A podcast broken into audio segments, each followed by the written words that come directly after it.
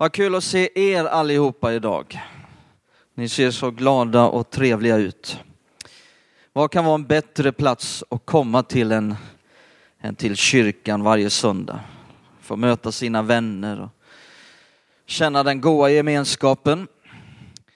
Jag pratade lite med Febe här innan. Hennes pappa tror jag det var som hade sagt till henne att man, man måste vara i kyrkan varje söndag. Är man inte där då är det något konstigt. För man behöver mat, hade hennes pappa sagt. Var inte din pappa feber som... Och då sa jag, jag hoppas att jag ska kunna bidra med lite mat då. Är du hungrig idag? Efter Guds ord. Jesus sa ju att vi lever inte bara av bröd allenast utan också av osten därpå. Nej, det var ju inte det Jesus sa. Han sa vi lever inte bara av bröd utan också av, av varje ord som utgår ur Guds mun. Så därför ska vi läsa ett Guds ord tillsammans och äta detta. Eh, vi ska slå upp våra biblar då till Efesierbrevet kapitel 2. Vi ska läsa från två bibelsammanhang. Det första är Efesierbrevet kapitel 2. Och där ska vi läsa den, den sjätte versen. Men innan vi läser så ber vi tillsammans. Fader Gud, i Jesu namn, vi kommer till dig just nu och vi ber att vi ska få ta emot ifrån dig här idag. Vi vill inte bara komma hit och vara med om någon slags underhållning och betrakta någonting, utan vi vill få möta dig. Vi vill få kunna ta emot ifrån dig. Vi vill höra hur du talar till oss. Hur du förvandlar våra liv, hur du förändrar våra liv, hur du påverkar våra liv in i det som du har tänkt för oss. Tack att du är vår hjälpare. Tack att du vill hjälpa oss ut ur all hopplöshet och in i frid, in i en framtid. Ut ur allt som vill tynga ner och in i glädje, i frid, i den helige Ande. Och jag ber Fader att du bara tar över genom din heligande. Jag avskiljer resten av den här gudstjänsten till dig heligande. Verka som du vill, tala som du vill. Må vi kunna höra som vi bör och må vi kunna tala som vi bör. I Jesu namn vi ber. Amen. I Efesierbrevet kapitel 2, vers 6 så står det. Ja, han, Gud, har uppväckt oss med honom, Jesus, eh, och satt oss med honom i den himmelska världen i Kristus Jesus. Så nu vet du var du sitter. Du sitter med Jesus i den himmelska världen. Det är fantastiskt. Vi skulle kunna stanna där, bara gå hem och säga halleluja. Det var en bra gudstjänst idag. Eller hur? Eh, men eh, det kan ju bli ett större halleluja om vi fortsätter lite grann. Titta här nu i fjärde Mosebok också. Så ska vi se några som inte just satt i den himmelska världen utan befann sig på ett helt annat stadie. Fjärde Mosebok, det trettonde kapitlet. Ska vi läsa en del verser? Den första versen i kapitel 13 i fjärde Mosebok så står det så här. Ehm, sedan bröt folket upp från eh, Haserot och slog läger i öknen Paran. Eh, och eh, Herren sa till Mose, vi läser vers 3 också, eh, sänd ut män för att bespeja Kanans land som jag ger åt Israels barn. En man för varje fädernestam ska ni sända, var och en av dem ska vara en ledare. Och här säger då Gud till Mose, sänd ut tolv spejare. De här tolv spejarna ska gå in i löfteslandet och bespeja det. Eh, och de skulle ju då, och Gud sa, jag ger det här landet till er och, och skicka nu in tolv spejare. Sen kommer de här spejarna tillbaka, de här tolv spejarna och ser nu vad de säger ifrån vers 26. Efter 40 dagar vände de tillbaka sedan de hade bespejat landet. De gav sig iväg och kom till Mose och Aron och hela Israels menighet i öknen i Paran i Kaders. Där avgav de rapport för dem och hela menigheten och visade dem landets frukt. Och de sa till Mose, vi kom till det land som du sände oss till. Det flödar verkligen eh, av mjölk och honung och här är frukt därifrån. Men folket som bor i landet är starkt och städerna är befästa och mycket mycket stora. Dessutom såg vi avkomlingar av Anak där. Amalekiterna bor i Negev, hetiterna, jebusiterna, moréerna bor i bergsbygden och kananéerna bor vid havet och ut med Jordan. Men eh, Kaleb lugnade folket inför Mose och sa, låt oss genast dra dit upp och inta landet. Sannerligen, vi kan göra det. Men de män som hade gått upp med honom sa, vi kan inte dra upp mot detta folk, ty de är för starka för oss. Och inför Israels barn talade de illa om det land som de hade bespejat och sa, det land som vi har vandrat igenom och bespejat är ett land som förtär sina inbyggare och allt folk som vi såg där var resliga män. Det var de här jättarna av Anaks stam. I vers 34 står det just det, vi såg också jättarna där. Anaks barn kom från jättestammen och vi var som gräshoppor. Kan man säga gräshoppor? I våra egna ögon. Och så var vi också i deras ögon. Nu läser vi in i nästa vers, i första versen i kapitel 14. Då började hela menigheten ropa och skrika och folket grät den natten och alla Israels barn knotade mot Mose och hela menigheten och sa till dem, om vi ändå hade fått dö i Egyptens land eller om vi hade fått dö här i öknen, varför leder Herren oss in i detta land där vi måste falla för svärd och där våra hustrur och barn ska bli fiendens byte? Vore det inte bättre för oss att vända tillbaka till Egypten? Tillbaka till Egypten och de sa till varandra, vi väljer en anförare och vänder tillbaka till Egypten. Då föll Mose och Aron ner på sitt an, sina ansikten inför hela den samlade menigheten av Israels barn. Och Josua, Nuns son, och Kaleb, Jeffenes son, som var med bland dem, som hade bespejat landet, rev sönder sina kläder och sa till hela Israels menighet, det land som vi har vandrat igenom och bespejat är ett mycket, mycket gott land. Om Herren har behag till oss ska han föra oss in i det landet och ge det åt oss, ett land som flödar av mjölk och honung. Men var inte upproriska mot Herren och frukta inte för folket i landet, för de ska bli som en munsbit. Hörde ni det? Munsbit för oss. Deras beskydd har vikit ifrån dem, men Herren är med oss. Frukta inte för dem. Men hela menigheten ropar att man skulle stena dem. Då visade sig Herrens härlighet i uppenbarelsetältet för alla Israels barn. Ehm, så se nu här också i vers 30 vad Gud säger nu om detta. I vers 30. Ingen av er ska komma in i det land som jag med upplyft hand lovade er att få bo i. Ingen utom Kaleb, Jeffenes son och Josua, Nuns son. Men era barn som ni sa skulle bli fiendens byte, de ska föra in där. Och de ska lära känna det land som ni har förkastat, men era döda kroppar ska falla här i öknen. Och era barn ska vara herdar i öknen i 40 år och få lida för er trolöshet till dess att era döda, döda kroppar förmultnat i öknen. Här är en väldigt intressant eh, berättelse. Och här, eh, vad vi hittar här, det, det är en hel massa människor som levde sitt liv utifrån ett grodperspektiv. Istället för ett gudsperspektiv. Eh, nu står det inte ordet groda här, men det står gräshoppor. Eh, de såg sig som gräshoppor. Och Gud vill hjälpa varje människa upp ur all gräshoppsmentalitet och grodperspektiv ehm, eh, till att istället få ett gudsperspektiv och sitta med Kristus i den himmelska världen. Och därför vill jag bara ta några snabba punkter om detta. Och temat idag är helt enkelt grodperspektiv eller Grodperspektiv eller gudsperspektiv. Min första punkt är att grodperspektivet är förödande.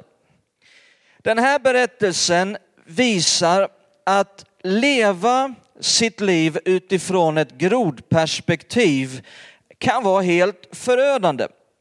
Alla de här människorna här, Israels folk, de hade kommit ut från Egypten och slaveriet där, de hade gått genom Röda havet, de hade dragit upp till gränsen för löfteslandet. Gud ville att de skulle inta löfteslandet på en gång.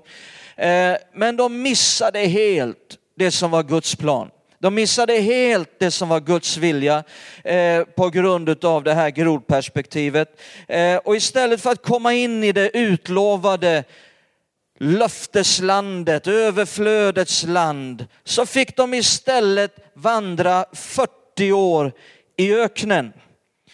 Och på samma sätt så finns det också människor i vår tid, kristna människor och hela församlingar som på grund utav gräshoppsmentalitet och grodperspektiv inte kommer in i sina egna privata liv eller i en församling, i, i det som Gud har tänkt, Guds vilja, Guds plan som Gud har för dem.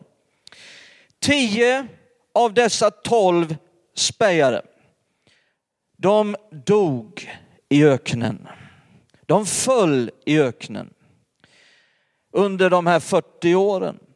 De föll också i glömska. Eh, är det någon här som kan namnen på de här tio spejarna? vet, jag har aldrig träffat en enda kristen som kan ett enda namn av dessa tio. De har helt fallit i glömska. Medan det finns två som vi alla kommer ihåg. Josua och Kaleb. Så det här grodperspektivet är helt förödande eh, för en människa.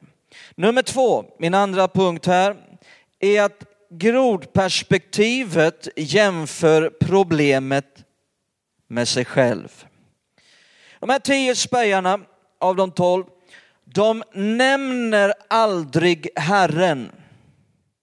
De nämner bara sig själva hela tiden. Kaleb däremot eh, talar hela tiden om Herren.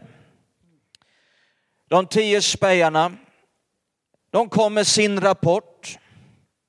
Eh, de, eh, de sa så här, ja visst, eh, Gud har lovat oss det här landet, men vi kan upplysa Gud om någonting som han inte har tänkt på.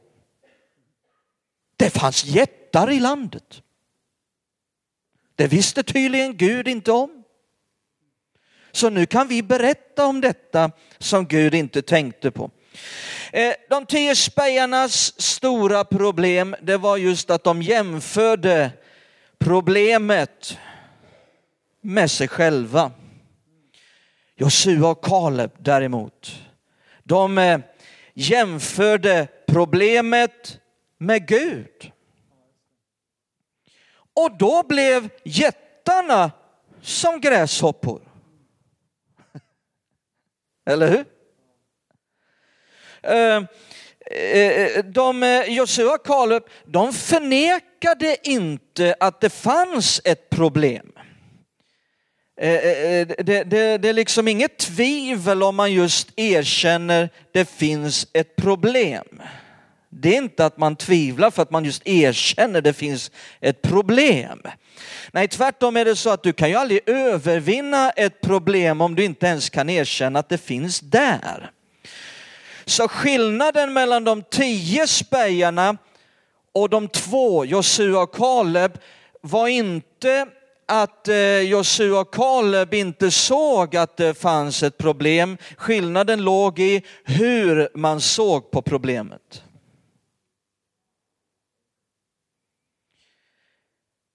De sa, för Herren är detta en munsbit.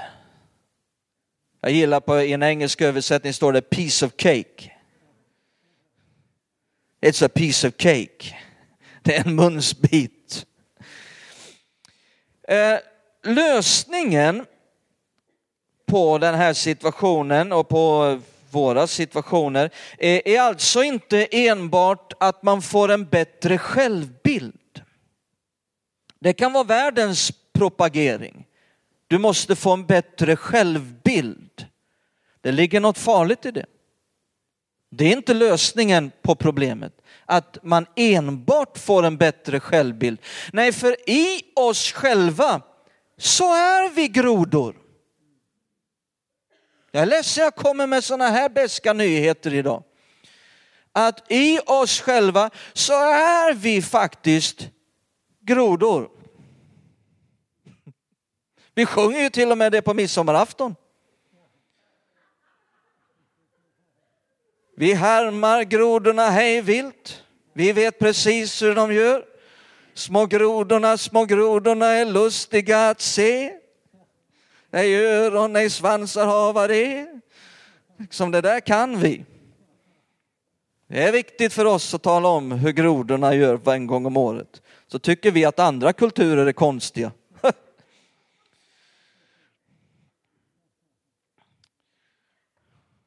Helst vill vi ju få alla invandrare att också likna grodor en gång om året. Nej, lösningen är inte att grodan ska blåsa upp sig och tänka jag är i själva verket Superman. Nej, lösningen ligger i det Jesus har gjort för oss på korset. I hans död. I att han tog vår synd, straffades, tog vår förbannelse, tog vår död och lösningen ligger i att han uppstod från de döda, att han har all makt i himlen och på jorden och att vi får sitta med honom och regera i den himmelska världen. Lösningen ligger i att Jesus har lyft oss grodor upp till att sitta med honom i den himmelska världen. Och där har himlen kysst oss. Och då har du förvandlats från groda till prins. Det var en del som fick tag om det. Halleluja. Vi skulle kunna ha ett annat tema här idag, från groda till prins. Av den himmelska kyssen. Gud vill inte att du ska ha en negativ självkänsla, inte alls. Han vill hjälpa dig. Men eh, din självkänsla får inte utgå från vem du är i dig själv och eh, din egen förmåga, utan den måste utgå från vem du är i Kristus. Där kommer den rätta självkänslan och den kan inte den här världen ge. Det kan inte new age ge. Det kan inga affirmationer i världen ge. Det är bara Gud som kan ge det. Där ligger lösningen. Eh, och när vi nu sitter med Kristus i den himmelska världen så kan vi se på allt så som Gud ser det. Så frågan är, ser du upp på problemet eller ser du ner på problemet från den himmelska världen där du sitter i Kristus? Det är inget fel med bra självförtroende, inte alls. Eh, framförallt när det handlar om saker som du faktiskt får göra i dig själv. Jag behöver liksom inte den heliga andes kraft och hjälp för att sätta på kaffebryggaren. Är ni med? Det finns saker där du, liksom det här får du klara själv. En del tror ju liksom att om de har med i en pingisturnering att Gud ska hjälpa dem mer än motståndaren. Tänk om två stycken ber lika mycket att de ska vinna matchen. Det finns saker liksom där vi, det, det liksom hör till livet och, och så vidare, sen tror jag att vi kan klara allting bättre också när vi har ett liv med Jesus. Men, men så att det är inget fel med gott självförtroende just i det som vi får hantera själva. Men eh, så ofta så står vi ju inför saker som vi kan inte klara själva. Då räcker inte ett bra självförtroende när olika jättar står i våra liv. En sån här jätte kan vara ekonomiska skulder. Det kan vara familjerelaterade problem. Det kan vara synd, det kan vara missbruk, det kan vara känslomässiga problem som bara är som en stor jätte i våra liv. Då räcker inte bara bra självförtroende. Nummer tre, angående grodperspektivet. Gräshoppsperspektivet och grodperspektivet omöjliggör vision. Titta här i vers 31 och 32 i kapitel 13, vi läser det igen.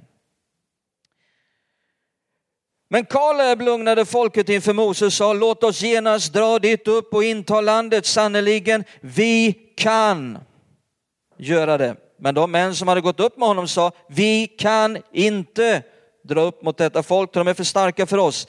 Kaleb sa, vi kan. De sa, vi kan inte. Eh, det går inte. Eh, det kan man inte göra. Och människor konstant hela tiden säger, vi kan inte. Ja, då är det grodperspektiv. Och gräshoppsmentalitet. De kom till och med med en lista. Varför det här går inte? Det var välbefästa städer och det var jättar. Därför kan vi inte. Och så omöjliggjordes vision. Och vad beror detta på? Jo, det beror på att grodor kan inte se så långt fram.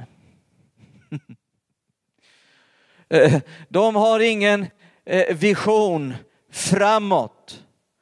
De kan eh, tänka att framåt, det måste innebära en säker död. Men bakåt känns tryggt. Vi vet ju varifrån vi kommer. Det var så de tänkte, vi, vi, vi, vi vet var vi kommer från Egypten. Vi vet varifrån vi kommer och därför har grodperspektivet en tendens att hela tiden tala om det som varit. Tänka på det som varit, leva i det som varit, vilja tillbaka till det som har varit, tillbaka till Egypten och säger hela tiden det var, det var nog bättre förr och tala om på den gamla goda tiden. Guds perspektiv gör att du lyfts upp över problemet och kan se in i framtiden med vision. Kaleb, han hade det precis på det sättet. Han såg löfteslandet, inte utifrån ett grovperspektiv utan ifrån Guds perspektiv. Eh, under de 40 åren i öknen där Josua och Kaleb snällt fick vandra med till dess att de var 80 år och det var dags att dra in i löfteslandet igen med en ny generation som hade vuxit upp. Under hela den där tiden så tänkte Kaleb, jag har varit inne i det där löfteslandet.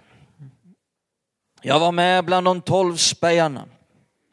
Och där fanns det en bergsbygd som jag vill ha. Den är min. Jag vill inta den. Den var svår att inta. Det fanns mycket motstånd i den där bergsbygden. Men Kaleb kände att han ägde den i sitt hjärta och han levde i detta i 40 år. Och så fort de kom in i löfteslandet 40 år senare så sa Kaleb till Josua, Josua, ge mig bergsbygden. Du vet, det finns två sätt att äga saker på. Du kan äga saker i dina händer och du kan äga saker i ditt hjärta helst både och. Vi vill alla gärna äga saker i våra händer. Men vi kanske inte ägde det i våra hjärtan. Och därför blev det aldrig realiserat i våra händer. Det börjar ofta med att man äger det i sitt hjärta först och sen börjar man äga det i sina händer. Många vill bara skynda fram till att äga i händerna.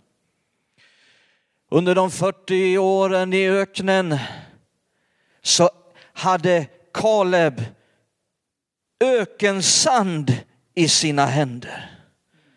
Men han hade en bergsbygd i sitt hjärta. Han ägde den i sitt hjärta. Och vi får aldrig tappa blicken på bergsbygden. Det finns en bergsbygd för dig. Det finns en bergsbygd för var och en som Gud har tänkt att du ska få inta. Det finns så mycket som skulle kunna falla in under vad det är. Men det finns någonting som Gud vill att du ska få inta. Eh, nästa punkt angående grodperspektiv eller Guds perspektiv är, så som du ser på dig själv är så du tror att andra ser på dig. Vers 34, och det här kan vara någonting som vi behöver bli befriade från.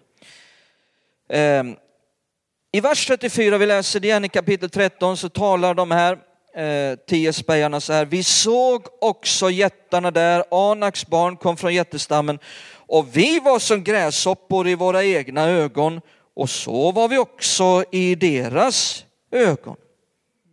Hör du vad de säger där? Vi var som gräshoppor i våra egna ögon och så var vi också i deras ögon. Var det här egentligen sant? Det är sant att de sa det, men är det sant det de säger? Hade de gått och frågat jättarna, hur ser ni på oss? Tyckte jättarna detta? Nej, jag tror att här uppenbaras eh, ett väldigt vanligt fenomen som gjorde sig gällande att så som du ser på dig själv och framförallt det då det här gäller de som är i ett grovt perspektiv, att så som du ser på dig själv är så du tror att andra ser på dig. Om vi skulle läsa hela berättelsen så skulle vi se att verkligheten var en annan. Verkligheten var att dessa jättar och fienden gömde sig bakom tjocka murar och var livrädda för den där folket som hade kommit ut ur Egypten. Och ryktet hade hunnit före dem och man var livrädd för det här folket som nu hade kommit ut ur Egypten. Det var sanningen enligt hela berättelsen. Um, så till och med fienden hade mer utav Guds perspektiv än vad Guds folket hade. Ibland är det ju så att djävulen har mer tro på Gud än vad vissa kristna har. Han vet vem Gud är och han kan tänka, det är tur att de inte vet och förstår vem Gud är. Så var det i det här fallet fanns mer av Guds perspektiv hos fienden till och med. Ehm, sen finns det en anledning till ibland att människor blir kvar i ett gräshoppsperspektiv och ett grodperspektiv, i den här mentaliteten. Och det är när man börjar klä den i en falsk ödmjukhet. När man eh, klär den i en eh, from, ett fromt självförakt. Det kan riktigt cementera in en människa i en gräshoppsmentalitet. När vi börjar tänka som gräshoppor, då börjar vi snart eh, agera som gräshoppor och då är vi snart gräshoppor. Låt mig säga detta också, att du är på väg i den riktning som är din mest dominerande tanke. Vad var deras mest dominerande tanke? Låt mig säga det igen. Du är på väg i den riktning som är din mest dominerande tanke. Nästa punkt. Angående grodperspektiv och gräshoppsperspektiv. Gräshoppsperspektivet är problemorienterat. Gräshoppsperspektivet är problemorienterat. Hur ska Gud kunna hjälpa oss upp ur grodperspektivet? Ja, det är det jag försöker beskriva. Först måste vi förstå vad det är. Vad är det här grodperspektivet? Ja, det är ofta problemorienterat. Vi måste fråga oss då, är du mer fokuserad på problem än vad du är fokuserad på möjligheter och lösningar? Är du mer fokuserad på din förmåga eller Guds förmåga? De flesta människor orienterar sig eller definierar sig själva utifrån problem eller möjligheter. De flesta människor när man vaknar på morgonen, en problemorienterad människa, när den vaknar på morgonen så orienterar den omedelbart sin dag utifrån hur många problem har jag idag? Men Gud vill hjälpa dig så att du kan få vakna på ett annat sätt och tänka hur många möjligheter har jag idag? Med andra ord, vi måste fråga oss, vad är du mest benägen att göra? Att påpeka alla problem eller visa på alla möjligheter? Är du mer benägen att bli missmodig eller glad? Är du mer benägen att göra folk missmodiga?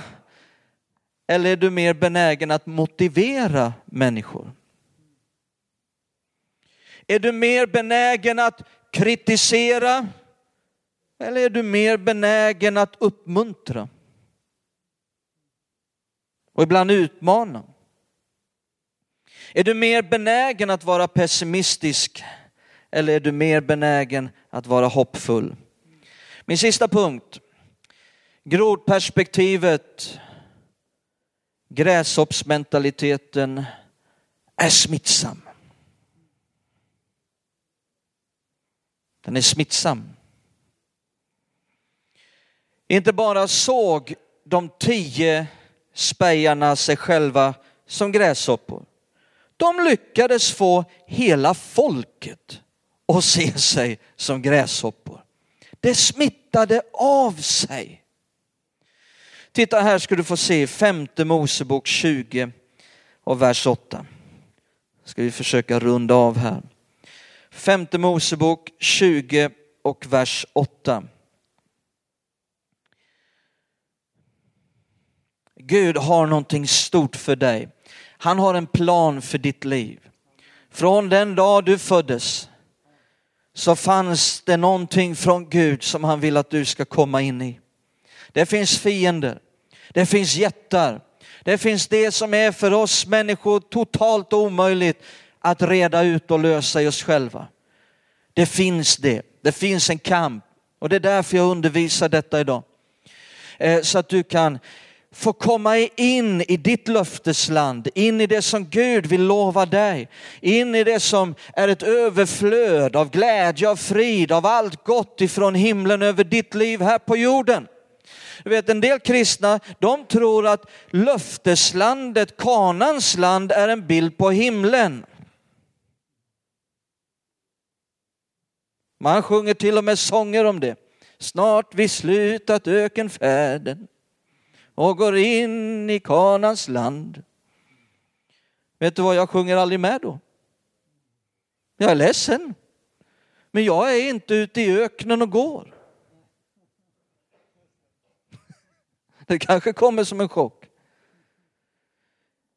Hebreerbrevet kapitel 3, den sista versen talar om varför de eh, inte kunde komma in. Det står i Hebreerbrevet 3, den sista versen, att det var på grund av deras otro som de inte kunde komma in i löfteslandet. Så om du är ute i öknen och går min vän så går du i otro. Nej, snart vi slutat ökenfärden och får gå, går in i Kanans land. Nej, eh, Kanans land, löfteslandet, är inte en bild på himlen. Det skulle vara en väldigt dålig bild på himlen. Eller hur? Det fanns ju en Goliat inne i Kanans land. Hur många Goliat finns det i himlen? Hallå? För, eh, eller du kanske räknar med att när du kommer till himlen en dag, då får du tampas med Goliat. Jag har i alla fall inte den bilden av himlen. Inne i löfteslandet fanns ju massa fiender och städer med, som var svårintagliga. Hur mycket fientliga makter finns det i himlen? Inga. Nej, löfteslandet och Kanans land är inte en bild på himlen. Det är en bild på det som Gud har gett dig av löften som han vill att du i det här livet just nu ska inta. Och där finns en Goliat, där finns jättar, där finns fientliga makter som vi under en kamp får inta. Det är det som Gud har tänkt för dig. Han är med dig. Och titta nu i femte Mosebok 20 vers 8. Då står det så här. Vidare ska tillsyningsmännen säga till folket, om någon är rädd och har ett modlöst hjärta må han vända tillbaka hem så att inte också hans bröders hjärtan blir lika modlösa som hans eget. Här är instruktioner om det skulle bli krig. Ehm, att om, om någon är rädd, gå hem. Så att det inte smittar av sig. I kriget var det bättre att gräshopporna med andra ord stannade hemma.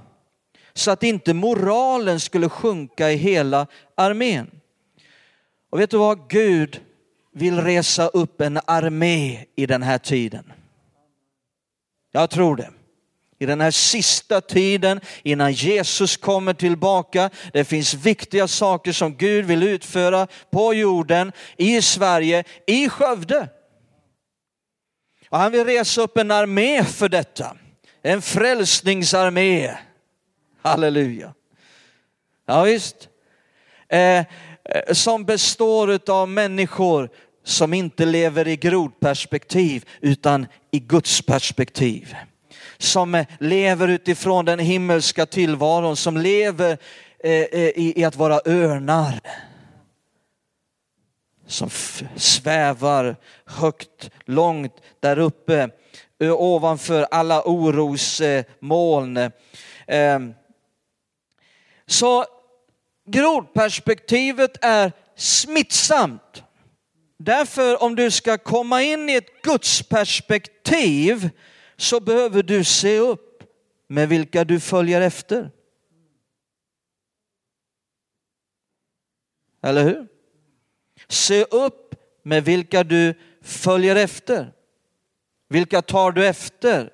För det är smittsamt, det här grodperspektivet. Till slut så såg majoriteten sig bland gudsfolket, majoriteten såg sig som gräshoppor. Och därav lär vi oss att majoriteten har inte alltid rätt. Gud återfinns inte alltid i majoriteten.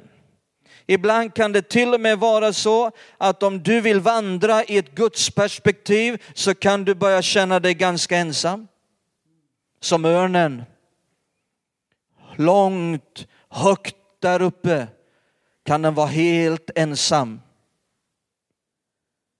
Kråkorna däremot, de är aldrig ensamma. De kraxar runt med alla andra kråkor. Men vet du vad? Du är ingen kråka. I Kristus är du en örn. Och Gud vill hjälpa var och en att få sluta hoppa runt som grodor och istället sväva som örnar i den himmelska världen.